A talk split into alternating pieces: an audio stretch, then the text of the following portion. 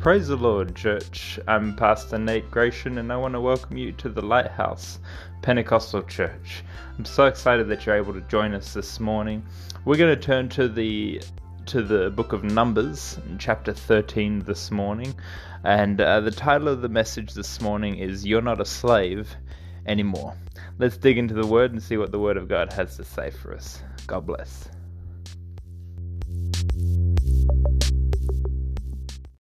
Spirit of God here. The peace of God that passes all understanding. We're so privileged to be able to come into this place and, and feel His presence. To be able to come together with brothers and sisters and feel His presence. Praise God. Numbers chapter 13, verse 26. Numbers chapter 13, verse 26. And they went and came to Moses. These are the reporters. Before we get started, uh, Moses and the Israelites have journeyed to the promised land, to the land of Canaan, and they've sent some spies in, they've sent some people in to go find out what the land is like, and then come back and report to Moses and to the people. And so we pick up here, they've come back, they've got their report. Verse 26 And they went and came to Moses and to Aaron and to all the congregation of the children of Israel unto the, un, unto the wilderness of Paran to Kadesh and brought back back word unto them and unto all the congregation and showed them the fruit of the land. And they told them, told him, and said, We came unto the land whither thou sent us, sent us, and surely it it floweth with milk and honey, and this is the fruit of it. Nevertheless, the people be strong that dwell in the land, and the and the cities are walled and very great, and and moreover, we saw the children of Anak there. So the fruit of the land is great, Moses. Just like, just like you said, just like we, we, the promised land we thought it would be, flowing with milk and honey. The, the land is rich. The land is prosperous. This is truly a, a great land that God has brought us to. But in the there's people already there, Moses. Did you know that? there's people there, and they're strong people. This land has obviously been good to them. They're strong people. Uh, they, they've got walled cities and, and, and big cities and walls around them, and, and the people, uh, the children of Anak, are there. The Amalekites dwell, verse 29, the Amalekites dwell in the, in the land of the south, and the Hittites and the Jebusites and the Amorites dwell in the in the mountains, and the Canaanites dwell by the sea and by the coast of Jordan. And Caleb stilled the people. Caleb stilled the people before Moses and said, Let us go up at once and possess it, for we are well able to overcome it. But the men that went up with him said, said, We be not able to go up against the people, for they are stronger than we. And they brought up an evil report of the land which, which they had which they had searched unto the, chil- unto the children of Israel, saying, The land through which we have gone to, to search it is a land that eateth up the inhabitants thereof. And all the people that we saw in, in it are men of great stature. And there we saw the giants, the sons of Anak, which, came, which, which come of the giants. And we were in our own sight as grasshoppers, and so we were in their sight. The final verse there of the chapter. Um, and we were in our own sight as grasshoppers, and so we were in their sight. I want to preach just for a little, just for a little while uh, this morning. Uh, I feel like God's given me a message, just something to tell you, and that is simply, you are not a slave anymore. You are not a slave anymore. God wants to tell somebody, you're not a slave anymore. You are not bound by the things that used to bind you. You are not held back by the addictions that you used to struggle with. You are not a slave anymore. You are not a slave to the things that used to hold you back, to the things that used to that used to plague you, to the to the health that used to plague you, to the sickness that used to plague you, to the family problems, to the finances that used to plague you. You're not a slave anymore. And yet, sometimes when, when we are confronted with that, uh, with that, we struggle to really believe it. When someone tells us that it is, it is much like someone who has gone through uh, a transformation in their life physically gone through a transformation physically and their health has improved and they've been exercising, they've been eating right and, and, they've, and, they've, and they've lost all this weight or whatever it is and they've, they've achieved these things, but when they still look in the mirror, when they still think about themselves, they see someone that has health issues, that is struggling with this, that is struggling with that.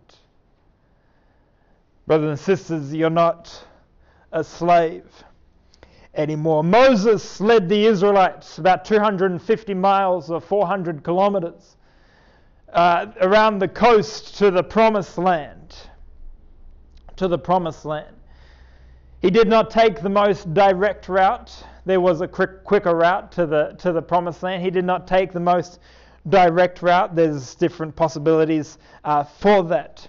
But they've journeyed 250 miles on foot with all sorts of possessions and all their, their complete livelihood to a land that God has promised them. To a land that is supposed to be their land. Yet when they get there, they find people living in their promise.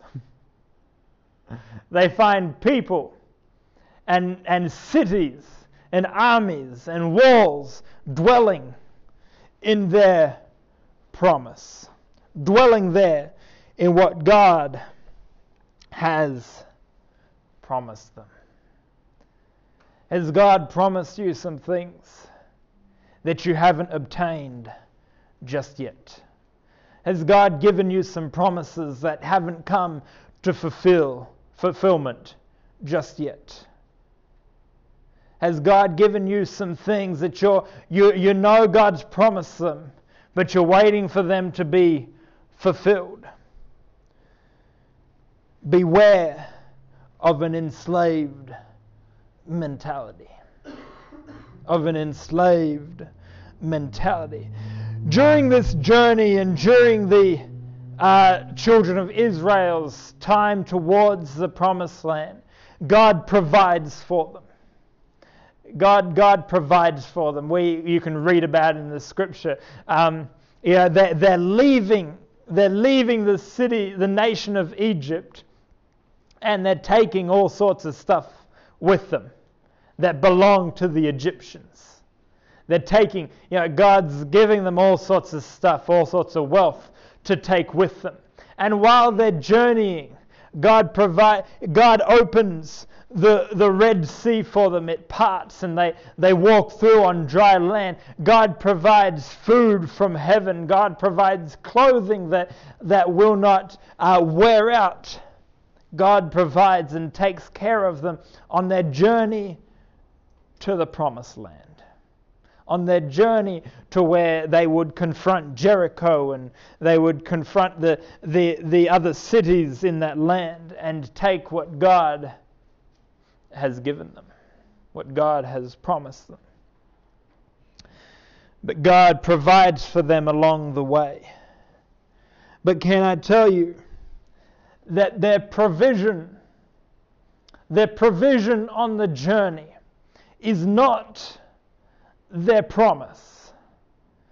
Their provision is not their promise. God didn't say, head out to the wilderness, and for the rest of your life, I'm going to send manna from heaven and, and, and some, some meat along the way, and we'll get water from rocks, and we'll have a good old time.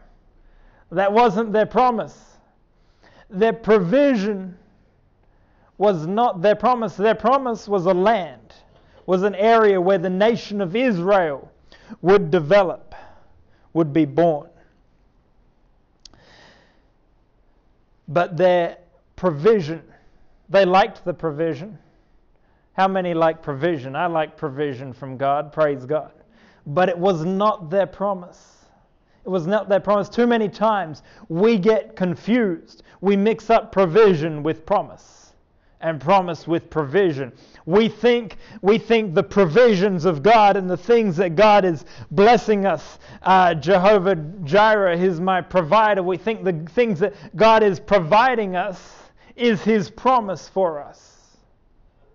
But that is not always the case. We cannot get stuck living a provisional life, living a life in the wilderness, outside of God's promise for us, but with His provisions. But with His provisions. Don't mistake God's provisions as His promises. Be careful not to get stuck in the provisional land instead of obtaining the promise that God has given you. God's promises are permanent. They're permanent. They're permanent. When God makes a promise, He's not going to break it. He's not, God does not break His promises. One of his promises, he'll never leave us nor forsake us.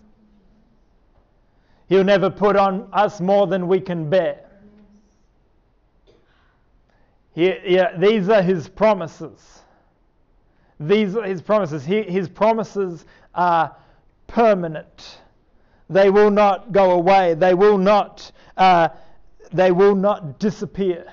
God will not promise something and then go back on it the promises of God are yea and amen, yes and amen, yes and that's it, full stop. If God promises something, it will come to pass. It will come to pass. With the Israelites here, we read of their first encounter to the promise of God.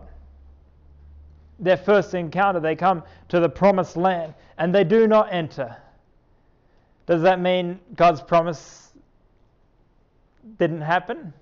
No, no, it happens. It just takes another 40 years while, they, while God gets them back around to their promise. To their promise. Praise God. When God puts me, uh, puts me, puts a promise in front of me, when God says go obtain that, I don't know about you, but I want to get it the first time.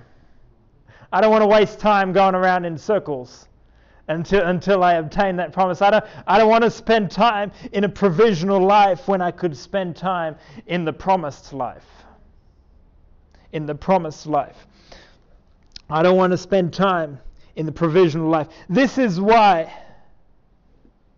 this is why you can see people living a, a life that clearly the blessings of God is on but never obtaining a promise because they're two different things. God's promises and God's blessings are two different things. God's promise for the Israelites takes work to get. It took work to get. All they had to do to get the manna and the provision of God was go stand outside and open their mouth. And it just fell from heaven. I like that. But the fulfillment and the purpose in my life comes not from the provision of God, but from the promise of God. Comes from living inside what God has promised for my life. A promise takes a change of mindset, and a provision does not. Does not. A promise takes a change of mindset. This is why.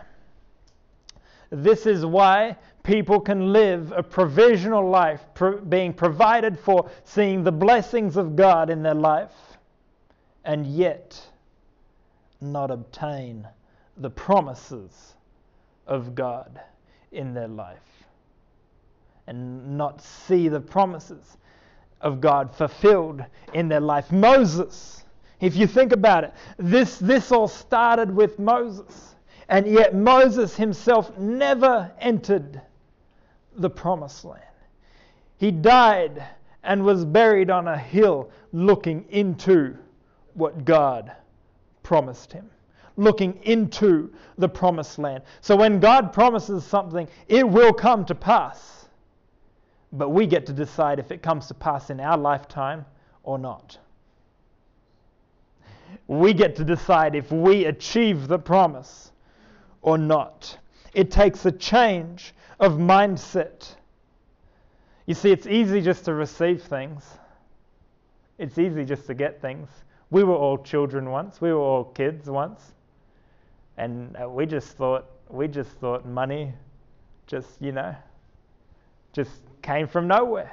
You grow up a little bit and you find out money comes from work. and uh, and it, that's where it comes from. You go to work and, and you get a check. You get a check in the mail or, or in your bank account nowadays. But um, you know, and so these these things as, as a child, I just received things. It didn't didn't take too much. You know, I, I you know I came home from the hospital and there was a cot for me, there was a bed for me. I didn't do anything to get that. All I did was breathe. And you know, all I did was breathe. I, I didn't do anything to get any of that. Right? And this is what it was like for the Israelites through the promise, uh, through the through the through the wilderness, through their provisional stage. They're just provided for. They're just provided for because they're the children of God. So they're, they're, the, they're God's nation. So God just takes care of them, just gives them what they need. And but as soon as it comes time to step into their promise, a change of mindset is needed, because now all of a sudden, God's not just going to say, Here you go. He's going to require a little bit of work from you. Not much work, really, from the Israelites. All they had to do was walk around the city of Jericho. They didn't even have to uh, do anything too, like, too, too strenuous on their bodies.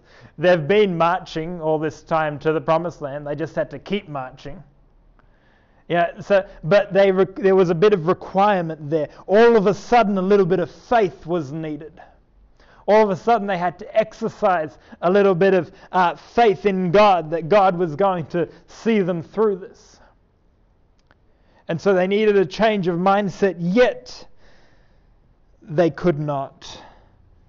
They still had an enslaved mentality. They still had an enslaved mindset. A mindset where they still viewed themselves as slaves.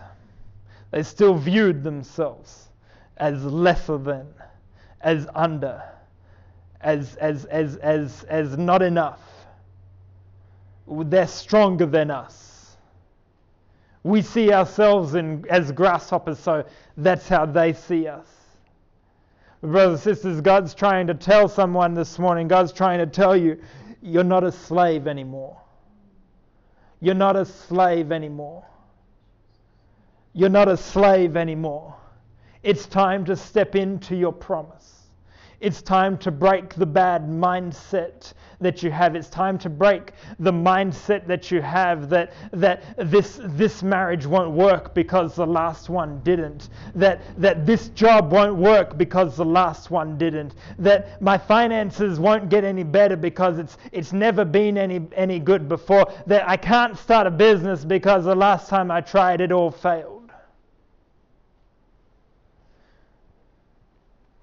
Too many of us abound living a provisional life where God takes care of us and cares for us because His Word says that, that if you live by these principles, He will bless you. We're living a provisional life, but not a promise filled life not a promise filled life. The promises of God, He says, I will fill you with the Holy Spirit. But we're bound by things in the past. We're bound by past experiences. And our mindset is captive. Our mind is captive. John chapter 8, verse 36 says, He who the Son sets free is free indeed. What is the difference? And if we could have some music, what is the difference between being free and being free indeed? You see, the, the Israelites, when they left Egypt, they were free, but they were still bound in their mind when the when when when when the slaves in in in the Civil War and everything was happening in the U.S. A bit a little bit of American history here. When the Civil War was happening in the U.S., there was sev- there were quite a few number of slaves that would break away. That would break away from where they were kept to try and get to a safe haven. The whole time looking over their shoulder, looking over their shoulder, wondering if their past would catch up with them, looking over their shoulder the whole time. It wasn't until the President of the US declared that slavery was now illegal and that, and that new laws were put in place and that slavery was abolished, that all of a sudden they were free indeed. You see, the Israelites got out of Egypt, but the whole time on their journey to the promised land were looking back over their shoulder. They told Moses, Why'd you bring us out? You brought us out here to die. You should have just let us stay in Egypt the whole time, looking over their shoulder. And when they get to their promise, they still view themselves as slaves, even though they're free. Their mindset, their mind is still captive by the Egyptians. Fast forward to 2019 to the 21st century. What does this look like? We all wear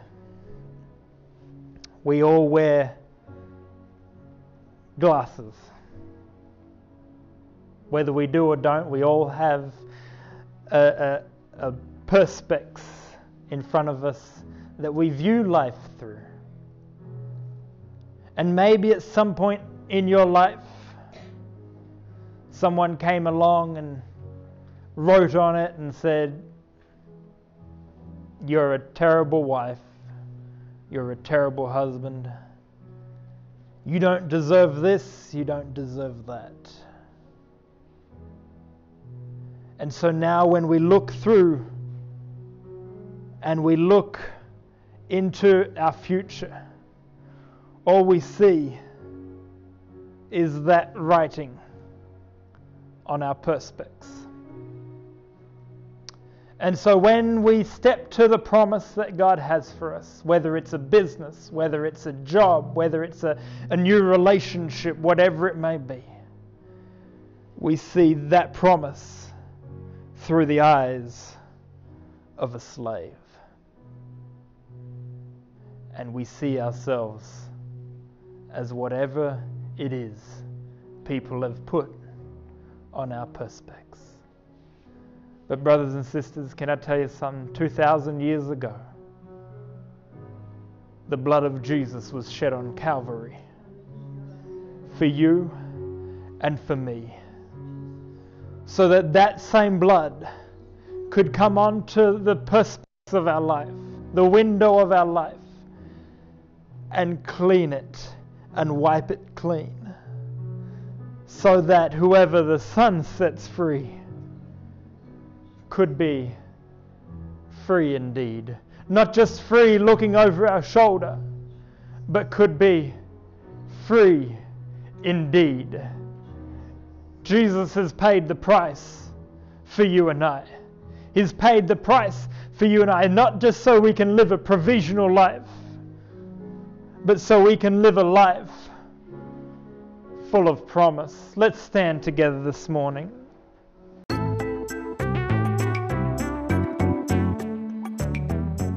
Thank you for joining us here this morning. If this word uh, blessed your life, I want to encourage you to uh, share this podcast uh, with those that are around you, to share it on your social media platform. People need to hear the uh, living word of God and hear the encouraging word of God in their life.